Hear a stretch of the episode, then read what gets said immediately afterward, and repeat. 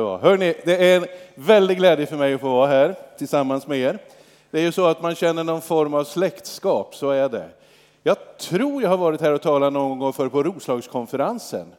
Eh, någon gång i tidernas begynnelse när den var alldeles ny. Men det är en väldigt stor glädje att få vika och vara här en söndag. Ehm, man kan väl säga så här för att travestera ett bibelord, jag har hört om er och häpnat. Så är det. Väldigt mycket gott som sägs om församlingen här, Furuhöjdskyrkan. Det är ju så att ryktet om det ni gör, det finns ju, och det är ett gott rykte. Den eh, vad ska vi säga, betydelsen ni har för bygden och mängden människor som samlas och allt, det är bara att gratulera, fantastiskt. Och när man ser anläggningen ni har här, det är ju inte utan att jag som finns inne i Uppsala då är lite, lite avundsjuk så där, så är det ju. Vet bara att hitta parkering är ju helt fantastiskt. Det, så är det. Så att, eh, vi, vi, känner så, vi i Pingstkyrkan i Uppsala, att det finns någon slags släktskap. Vi har också glädjen att Lukas finns med oss, som du nämnde själv här. I olika pastors... Eh, vi möts då och då för att samtala och det är liksom no strings attached, det är ingenting sånt, men det är ändå en gemenskap som betyder mycket för oss. Och då eh, är det någonting som kopplas. Jag tror att eh, gemenskap mellan troende och mellan församlingar, det går inte i samfundsgränser och så längre. Det är helt andra saker. Det har någonting med själva fundamenten utav tro att göra. Det är där någonting händer och därför känner vi nära. Vi känner oss nära er, så är det. När vi säger för Höjdkyrkan Alunda så är det liksom inte riktigt vi, men ändå. Jag hoppas att ni har ungefär samma känsla och vi får se framöver. Det är ju så att vi lever i en tid av stora utmaningar, vi behöver varandra. Vi har upptäckt i vår kyrka, vi klarar oss inte utan andra kyrkors gemenskap. Så enkelt är det. Vi kan tycka att mycket är bra, men det är också så att det är mängder med saker vi behöver kompletteras som församling. Och därför är vi glada över att knyta an lite grann till er så här. Rubriken för det jag ska säga idag, det hämtar jag ifrån eh, ett bibelord som jag också kommer att citera sen. Den levande Gudens församling. Eh, det är ett uttryck som återkommer och det här sägs och på ett sätt skaver lite grann i en tid som vi finns. Eh, du har säkert hört det, kanske också sagt jag tror på mitt sätt. Eller eh, ännu mer tillspetsat, jag har fått nog av församlingen, jag tror nog på Gud. Men kyrkan har jag fått nog av, ungefär så. Den finns det många olika varianter på. det är ganska vanliga argument när man ska ta avstånd ifrån den kristna gemenskapen. Då hittar man någonting man var med om tidigare, sår som har skapats av klumpiga människor. Och det sker också i en kyrka, människor är människor överallt. Och så blir det så att den här självklara tron som fanns, den börjar på något vis att ta stryk för att jag tänker att, ja, men kan det vara så här i kyrkan? Klumpiga människor och så vidare, då fräts någonting sönder och själva tron blir också ostabil och vacklande. Bibeltexterna, vi kommer att läsa många bibeltexter idag, de är inte främmande för att det finns stora problem i en församling. Det är inte så att Bibeln någonsin säger att det är världens bästa plats att vara på. Inte på det sättet man tänker att det finns inga problem. Samtidigt så är bibeltexterna väldigt tydliga att församlingen är Guds församling. Den är guld precis rakt igenom. Det har alltså med det heliga att göra när vi talar om en församling. När vi talar om den här församlingen så är inte det något någon kom på, något några skapade, någonting som har med föreningsverksamhet att göra, inte alls. Nej, det har med Gud att göra och det heliga. Det står så här i första Timoteusbrevet 3, vers 14 och 15. Där står det så här, jag skriver detta i hopp om att snart få komma till dig. Men skulle jag dröja så vet du nu hur man bör uppföra sig i Guds hushåll, den levande Gudens församling, sanningens pelare och grundval. Det vill säga, det är Guds hushåll, det är Guds gemenskap, det, det, det, de som samlas samlas runt Herren själv. Det är själva grunden i det här. Och det är sanningens pelare och grundfäste eller grundval. Det vill säga, det är inte så att en församling kan samlas runt vad som helst. Det är inte så, ibland kan man höra det, att församlingen handlar om gemenskap. Det gör det inte alls. Det handlar om Jesus och då uppstår det som en bieffekt gemenskap självklart. Och omsorgen om varandra den är ju självklar. Men i grunden så handlar församlingen om Herren själv. Det är alltså så att du kan inte säga att en församling kan tro vad som helst, göra vad som helst, tänka hur som helst, bete sig hur som helst. Nej, för det har med det heliga att göra. I Matteus evangeliet 16 kapitel, som jag sa blir det mycket bibel nu, så ta gärna med och smartphone och annat. Vi kan ju, har ju mycket sånt nu. Och då läser vi från eh, Matteus 16 och jag börjar där då. Eh, ja, vi kan ta det ifrån den femtonde versen där. Och ni, frågade han, vem säger ni att jag är? Simon svarade, du är Messias, den levande Gudens son. Då sa Jesus till honom, salig är du, Simon Barjona, att ingen av kött och blod har uppenbarat detta för dig, utan min fader i himlen. Och jag säger att du är Petrus, klippan, och på den klippan ska jag bygga min kyrka, och dödsrikets portar ska aldrig få makt över den. Jag ska ge dig nycklarna till himmelriket. Allt du binder på jorden ska vara bundet i himlen, och allt du löser på jorden ska vara löst i himlen. Här är det på något sätt en slags eh, avskjutningsramp för det som är församling.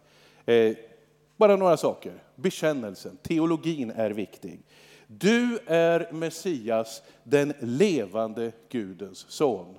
Och då kvitterar Jesus och säger det att det här handlar om en uppenbarelse.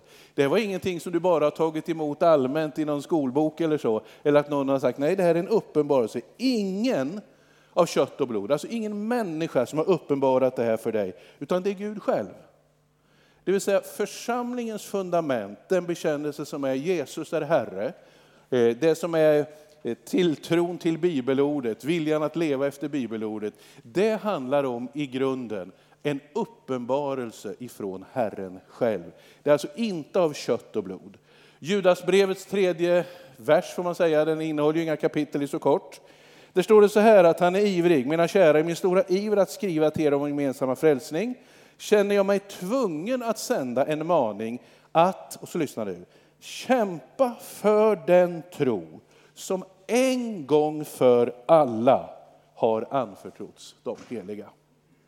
Det finns i Nya Testamentet en uppfattning att trons substans och trons innehåll, det som är församlingens själva fäste, sanningens pelares fäste, grundbulten, det är överlämnat, och lägg märke till hur det formuleras här i Judas brev, en gång för alla.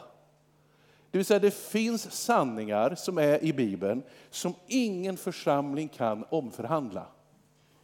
Det är klart vi skulle önska att det vore lite annorlunda. Vi skulle kanske med tanke med tidens tryck och ett par tusen år av förföljelse och annat, visst hade kyrkan gärna tagit en annan väg. Och vi skulle i vår tid vara smidigt och vara lite mera slätt eh, eh, så att eh, vindarna kunde gå förbi så att säga. Istället för att man ska hissa segel och hålla på att välta båten varje gång det blåser till. Men vad är det som är församling? Jo, det är att en gång för alla så har det överlämnats en tro och den är inte förhandlingsbar. Det kan vara läge att förstå den på ett bättre sätt om man nu har fått något om bakfoten, men i grunden är det uppenbarat. Och det här har faktiskt med själva himlen att göra. Så såg det också här. Det handlar om eh, det eviga. Dödsrikets portar ska aldrig få makt över Furuhöjdskyrkan i Alunda. Det vill säga, det här är ingenting som har hänt i någon tallkulle någonstans i en avkrok i världen. Nej, inte alls. När det nådde oss här uppe i norr så var det ju Guds församling som planterades. Någonting som har med det eviga att göra, som kommer att spränga väg ända in i himmelen. Så det är alltså inte hur som helst när man möts i en kyrka. Man kan inte tänka och göra vad som helst, för det har med det eviga att göra. Och en dag så ska vi möta honom, församlingens Herre, ansikte mot ansikte. Och då blir frågan, hur gjorde du med det som en gång för alla blev uppenbarat? Det är inte kött och blod som har gett dig det här Petrus. Den här klippan, din bekännelse, det ska jag bygga min kyrka på. Själva historiens nav kommer att vara runt omkring sanningarna. Det handlar om läran. Eh, det stod ju så här, allt du binder på jorden ska vara bundet i himlen och allt du löser på jorden ska vara löst i himlen. Det här kan man mycket väl tänka att det skulle handla om andliga verkligheter, någon blir löst ifrån någonting och så kommer det ända in i evighetens värld att vara. Men själva uttrycket är ett väldigt vanligt uttryck som fortfarande finns i hebreiskan. Vad som är löst och vad som är bundet. Det står fortfarande att du är bunden till att röka. Det vill säga du är bunden att inte röka, står det på en buss än idag i Jerusalem när du hoppar på. Det vill säga löst och bundet, det som lämnas över här, det är just förvaltandet utav läran. Det du löser på jorden och det du binder på jorden, det har med någonting som har lämnats för evigheten in, någonting orubbligt. Självklart handlar det om det andliga att lösa också. Men som det är med bibelordet, det är ingen tvekan om, det här är ett rabbinskt sätt att uttrycka det. Vad är det som jag är bunden vid? Och vad är det som är tillåtet? Vad är förbjudet och vad är tillåtet? Ehm, det, det, det, ska lämnas över. Det du löser, det kyrkan står för, sanningens pelare och grundval, det kommer att ha sitt fäste, inte bara i tiden, utan också i evigheten. Det vill säga, det är någonting viktigt, någonting, och här är ju varje förkunnare bunden till att en dag faktiskt stå ansvarig. Den dag jag ska träda fram inför Herren, för det tror jag faktiskt är så vi kommer att göra, då kommer det vara en allt strängare dom ju mer ansvar man har fått. Då kommer inte vara frågan, hängde du med i tidssvängningarna? Var du tillräckligt eh, populär? Det är inte frågorna. Utan frågan kommer att vara, höll du fast vid det som en gång för alla var överlämnat? Var du villig att till och med gå i döden för någonting som hade med en gudomlig uppenbarelse att göra? Det är inte kött och blod. Det är inte något mänskligt påhitt som på något vis har förädlats över tiden. Det är inte så församlingen är byggd.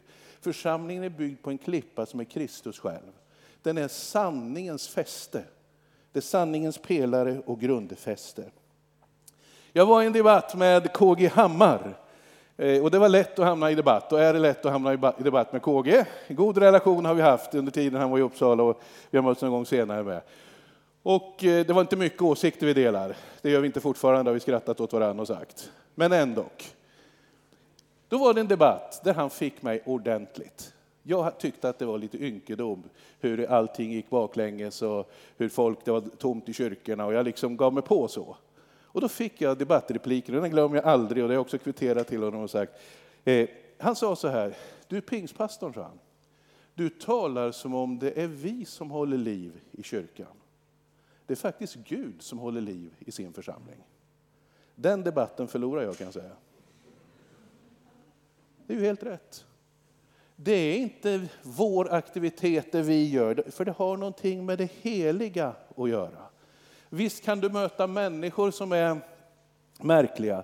I Uppenbarelseboken finns det här, i, eh, där Johannes förmedlar. Det skrivs det till olika församlingar med många pinsamma brister, får jag säga så? Eh, jag tror det är få församlingar som visar upp en provkarta av sånt elände som det var i de här sju. Men ändå så står det så här i Uppenbarelseboken, första kapitel och tjugonde vers. Och här är talat då, då är jag tillbaka till det här med guld rakt igenom. Detta är hemligheten med de sju stjärnorna som du har sett i min högra hand och med, med de sju lampställena av guld. De sju stjärnorna är de sju församlingarnas änglar och de sju lampställen är de sju församlingarna.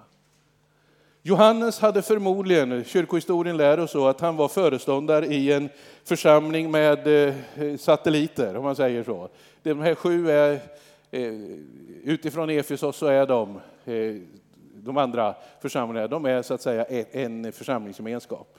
Så uppfattar han med Johannes. Så det är en gammal föreståndare som får en uppenbarelse. Han visste ju mycket väl hur det stod till. Då är det så här att när Herren för honom in i det här, vad är det han ser då? Jo, han ser dels att församlingens tjänare eh, finns där. Eh, det talas så här om då de sju lampställena av guld och lampställen, och då står det så här att de sju stjärnorna då, de är de sju församlingarnas änglar, eller om du så vill budbärare, skulle kunna översätta, de förkunnarna. De håller Gud i sin högra hand. De håller han i sin högra hand. Det vill säga, du gör inte vad som helst med en Herrens förkunnare. Du gör inte vad som helst med det som har förkunnats. Utan det finns en respekt. Inte därför att det är något märkvärdigt med en predikant, inte alls. Men därför att han som gav uppdraget är helig. Johannes måste ju ha tänkt, oj, de som han lämnade över till, de sju församlingens änglar, de som stod där, de håller Herren i sin hand. Och sen säger han så här, han, han såg någon, Herren själv, som rörde sig, och nu är han på något vis i bildspråket förflyttad till templet. Han såg sju lampställ av guld rakt igenom. De såg ut så där ungefär, den sjuarmade ljusstaken som står där, med några. Den där är förresten väldigt snarlik. Den verkliga var nog en bit större, men ungefär så. Den sjuarmade. Och det står i Gamla Testamentet hur den skulle vara driven, ett hantverk, rakt igenom i solitt guld, driven i ett enda stycke. Det är det Johannes ser, det är församlingen. Det vill säga samma församlingar som hade de här påtagliga bristerna. I, den, I de församlingarna så håller Herren budbärarna, änglarna i sin hand. Och hans, när Herren ser på Furuhöjdskyrkan i Alunda, eller Pingstkyrkan i Uppsala eller andra bristfälliga ställen, då ser han guld rakt igenom. Ljusstakarna stod i det heliga, dit, eh, där Herren själv fanns. Han rörde sig ibland. Så om du tänker sig om det är så eländigt i kyrkan så eh, jag får nog lämna. I sådana fall så kan jag säga att den sista som lämnar, vet ni om det är? Det är Jesus. För han har svurit trohet mot sin församling. Mitt bland lampställen av guld. Där är han. Matteus 18 och vers 19. För tittar man närmare då på församlingen så ser man spåren av Herren själv. Och det är Jesus som säger så här, allt vad två av er kommer överens om att be om här på jorden, det ska de få av min himmelske fader. Ty där två eller tre är samlade i mitt namn är jag mitt ibland dem. Två eller tre. Lägg märke till att själva ordet vi också har ärvt är ju församling. Det vill säga det handlar om att man faktiskt möts. Vi kör ju väldigt mycket på tv, jag är glad att höra flera av er tittar. Eh, det är kul att se er i verkligheten också. Så är det. Jag brukar säga så här, tv-tittande i en församling, är, det funkar, i alla fall under pandemi. Men det är lite grann som ett matlagningsprogram. Du får lite inspiration och ett och annat recept och du kan bli tillräckligt hungrig, men du blir aldrig mätt. Är det fel att sända tv? Nej, vi gör det jämt. Och många har vi sett som faktiskt har kommit till tro den vägen. Men Församlingen är något annat. Det finns ingen församling i cyberrymden. För församlingen är där två eller tre är samlade. Där är han mitt ibland dem. Det är inte så där två eller tre är förskingrade, utan där de är samlade. Det är inte så att det två eller tre tänker på en rätt sak vid samma tillfälle. Nej, de ska mötas. Det här är ju en eh, tanke som på något vis studsar emot lite grann där Jesus själv eh, är ju rabbin. Än idag i det rabbinska sam, eh, sammanhanget så är det så att en synagoga, bönen får inte starta förrän det är tio eh, män på plats som har haft sin bar mitzva. Då kan man börja. Så man sitter alltid och väntar på den tionde i synagogan. Kommer han inte snart? Vi måste ju vara tio idag, annars kan vi inte köra igång. Man ser, kan se det här som en kommentar. I synagogan gällde tio, men Jesus säger det två eller tre är samlade. Där kan ni köra igång. Där är det eh, gudstjänst möjligt. Det vill säga samlingen är där. Två eller tre är tillsammans i mitt namn. Där är jag mitt ibland dem. Eh, det vill säga det handlar om församling, inte förskingring. Det handlar om att man möts. Hebreerbrevet, vi ska gå vidare där. Det är så att det också varnas för eh, att slarva med gemenskapen. Det är så att vi är skapade så, redan i skapelseberättelsen så står det att det var inte gott, hur det står, det är inte bra att mannen är ensam. Det är inte bra att vara kristen på egen hand. Det innebär ju inte att du inte kan vara kristen, det kan du vara, men inte så länge tror jag. För det är själva församlingsmiljön som ger myllan att växa. I brevbrevet 10, där står det i 23 versen så här, och framåt. Låt oss orubbligt fortsätta att bekänna vårt hopp, till han som gav oss löftena är trofast. Låt oss jakt på varandra och sporra varandra till kärlek och goda gärningar och låt oss inte försumma våra sammankomster som några brukar göra, utan uppmuntra varandra och detta så mycket mer som vi ser att dagen närmar sig. Ja, det var så likt, eller hur? Låt oss inte försumma mötena som några brukar göra, får han lägga till. Men så säger han inte att nu ska ni peka ut dem och så ska ni berätta för dem hur länge sedan de var senast de var. När de väl kommer, utan det står uppmuntra varandra. Uppmuntra varandra. Och det hoppas jag jag kan göra nu. Uppmuntra dig som på något sätt känner att ja, men det kanske inte, ja, det börjar bli jobbigt. Du, församling får aldrig bli en aktivitet bland andra, ett måste. Har ni det trycket på er, släng bort det. Församlingen är att mötas inför Herren att vara sanningens pelare och grundfäste. Församlingens värde är förankrat hos Gud. Det är inte en organisation eller förening. En församling ska aldrig bedömas utifrån antal, om den växer, om det finns en bra verksamhet, om kyrkan är liksom up to date, om det är rätt sorts lampor och rökmaskiner eller vad vi nu skulle hitta på för mat. En församling kan aldrig bedömas, det handlar om en identitet. Det finns inga åskådarläktare i en kyrka, utan det är så att vi möts, alla är så att säga med i matchen. Och vad är då matchen? Är det att städa? Nej, vad var det som var det viktiga? Det var inte en byggnad, utan det var människorna. När två eller tre samlas, då är Herren där. Det kan inte finnas kristna kaféer och kristna sportklubbar och kristna skolor. Det är ju helt otänkbart.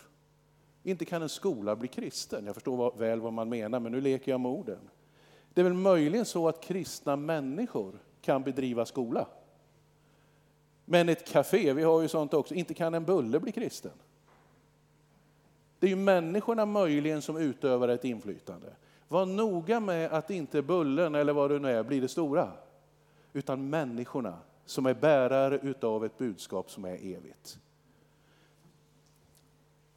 Eh, det handlar alltså inte om metoder och så vidare. Församlingen är eklesian, de utvalda, de utkallade. Det är det som översätts församling i, från grekiskan i Nya Testamentet. Det är helt enkelt Jesu kropp. Det är hans sätt att vara närvarande.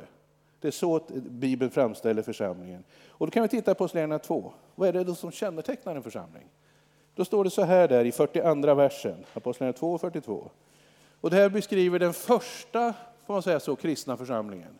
Den som eh, blir till genom att 3000 döps på pingstdagen. Då står det så att de deltog troget i apostlarnas undervisning, den inbördes hjälpen, i brödbrytandet och bönerna. Där har du vad en församling ska syssla med. Resten är plusmeny. Det här ska en församling göra. Undervisa, apostlarnas undervisning, det vill säga nu, är det vid den här läran igen. Det som är en gång för alla överlämnat. Det ska ske. Den inbördes hjälpen, alltså socialt ansvar för varandra, det ska finnas där. Det ska också vara brödbrytandet.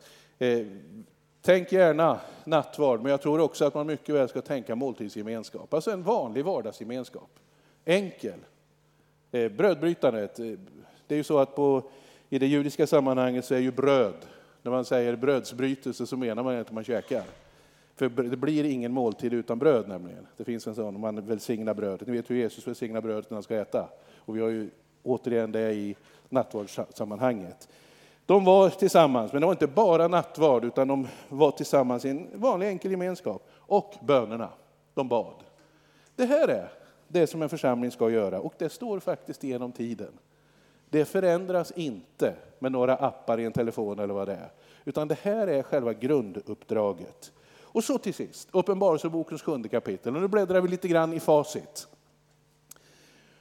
Och här är det en bild in i det eviga. Församlingens fäste i sanningen, det är själva fästet för det, det sträcker sig in i evigheten.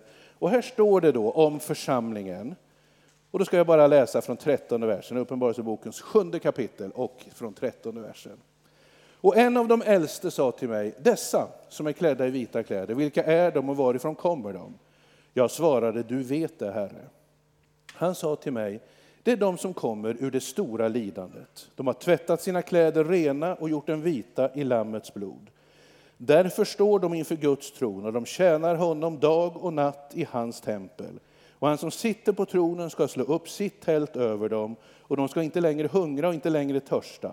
Varken solen eller någon annan hetta ska träffa dem. Ty lammet som står mitt för tronen ska vara deras herde och leda dem fram till livets vattenkällor. Och Gud ska torka alla tårar från deras ögon. Bildspråket, det är bekant för den som fanns i den här miljön. Där den här församlingen, där, där Jerusalemförsamlingen uppstod och som också är väl känt då när det är Uppenbarelseboken, det är ju tempelområdet. Lägg märke till hur det står. Att, eh, frågan han ställer i himmelens eh, sammanhang här, det är vilka är de här som är klädda i vita kläder? Vilka var klädda i vita kläder i templet? Alla, när de gick dit. Därför att de hade gått genom det som kallas för mikvebad och så klädde man sig vitt som en symbol för renheten. Det var så man kunde gå in i tempelområdet. Det var där leviterna, de som tjänade i gudstjänsten stod, alla klädda i vita kläder. Och så sjöng de lovsången till Herren. Symbolen på renhet, symbolen att jag har lämnat det destruktiva syndalivet bakom mig. Jag har blivit förlåten, jag är vitklädd. Det var det som det rituella badandet gjorde och så gick man de här trapporna upp på tempelområdet och så var man där. Det är det som Johannes ser när han ser in i evighetens värld. Vilka är de som har kommit? Ja, inte bara då de som var utav aronitisk släkt, leviterna, Levis söner som skulle tjäna, utan alla. Det är de som kommer ur det stora lidandet. Det vill säga, de kommer inte ur en perfekt tillvaro. Men nu så står de där, klädda i vita kläder. Eh, symbolen för renheten. Livet kunde, bjöd på mycket. Det var tårar och det var sorg. Eh, det var dagens hetta, det var törst. Men ingenting om det. Varken solen eller någon annan hetta ska träffa dem. Ty lammet som ska vara deras herde ska leda dem fram till livets vattenkällor och Gud ska torka alla tårar från deras ögon. Livets vattenkällor, man bar nerifrån Siloadammen upp till offrandet i enorma krukor och så eh, öste prästerna ut vatten. Det är ju där Jesus säger, kom till mig, du som är törstig, kom till mig och drick. Och så talar han ju om att du som har bördor, du ska få en lättare börda. Mitt ok är milt och min börda är lätt och så vidare. Det är det de ser, livets vatten, det vill säga de är värdiga att gå in i templet. De är med där, den här skiljemuren som Paulus talar om, den är borta. Därför att Jesus själv har öppnat vägen. Det är inget av kött och blod som har uppenbarat det här. Gud ska torka alla tårar från deras ögon. Och då skulle jag vilja säga, välkommen då, redan nu. Porten in i församlingen, det är omvändelse och dop. Och jag skulle väl tippa att ni eh, tänker också i vita kläder. Vi har lite olika, för det har vi från det här. Vilka är de som står där? Jo, när vi profetiskt stiger upp ur dopet så är det profetiskt om att en dag ska jag uppstå och gå med vita kläder in i evighetens värld. Vilka kommer att vara där? Jo, de andra som tvättade sig rena i Lammets blod. De andra som vägrade att böja sig för tidsandan.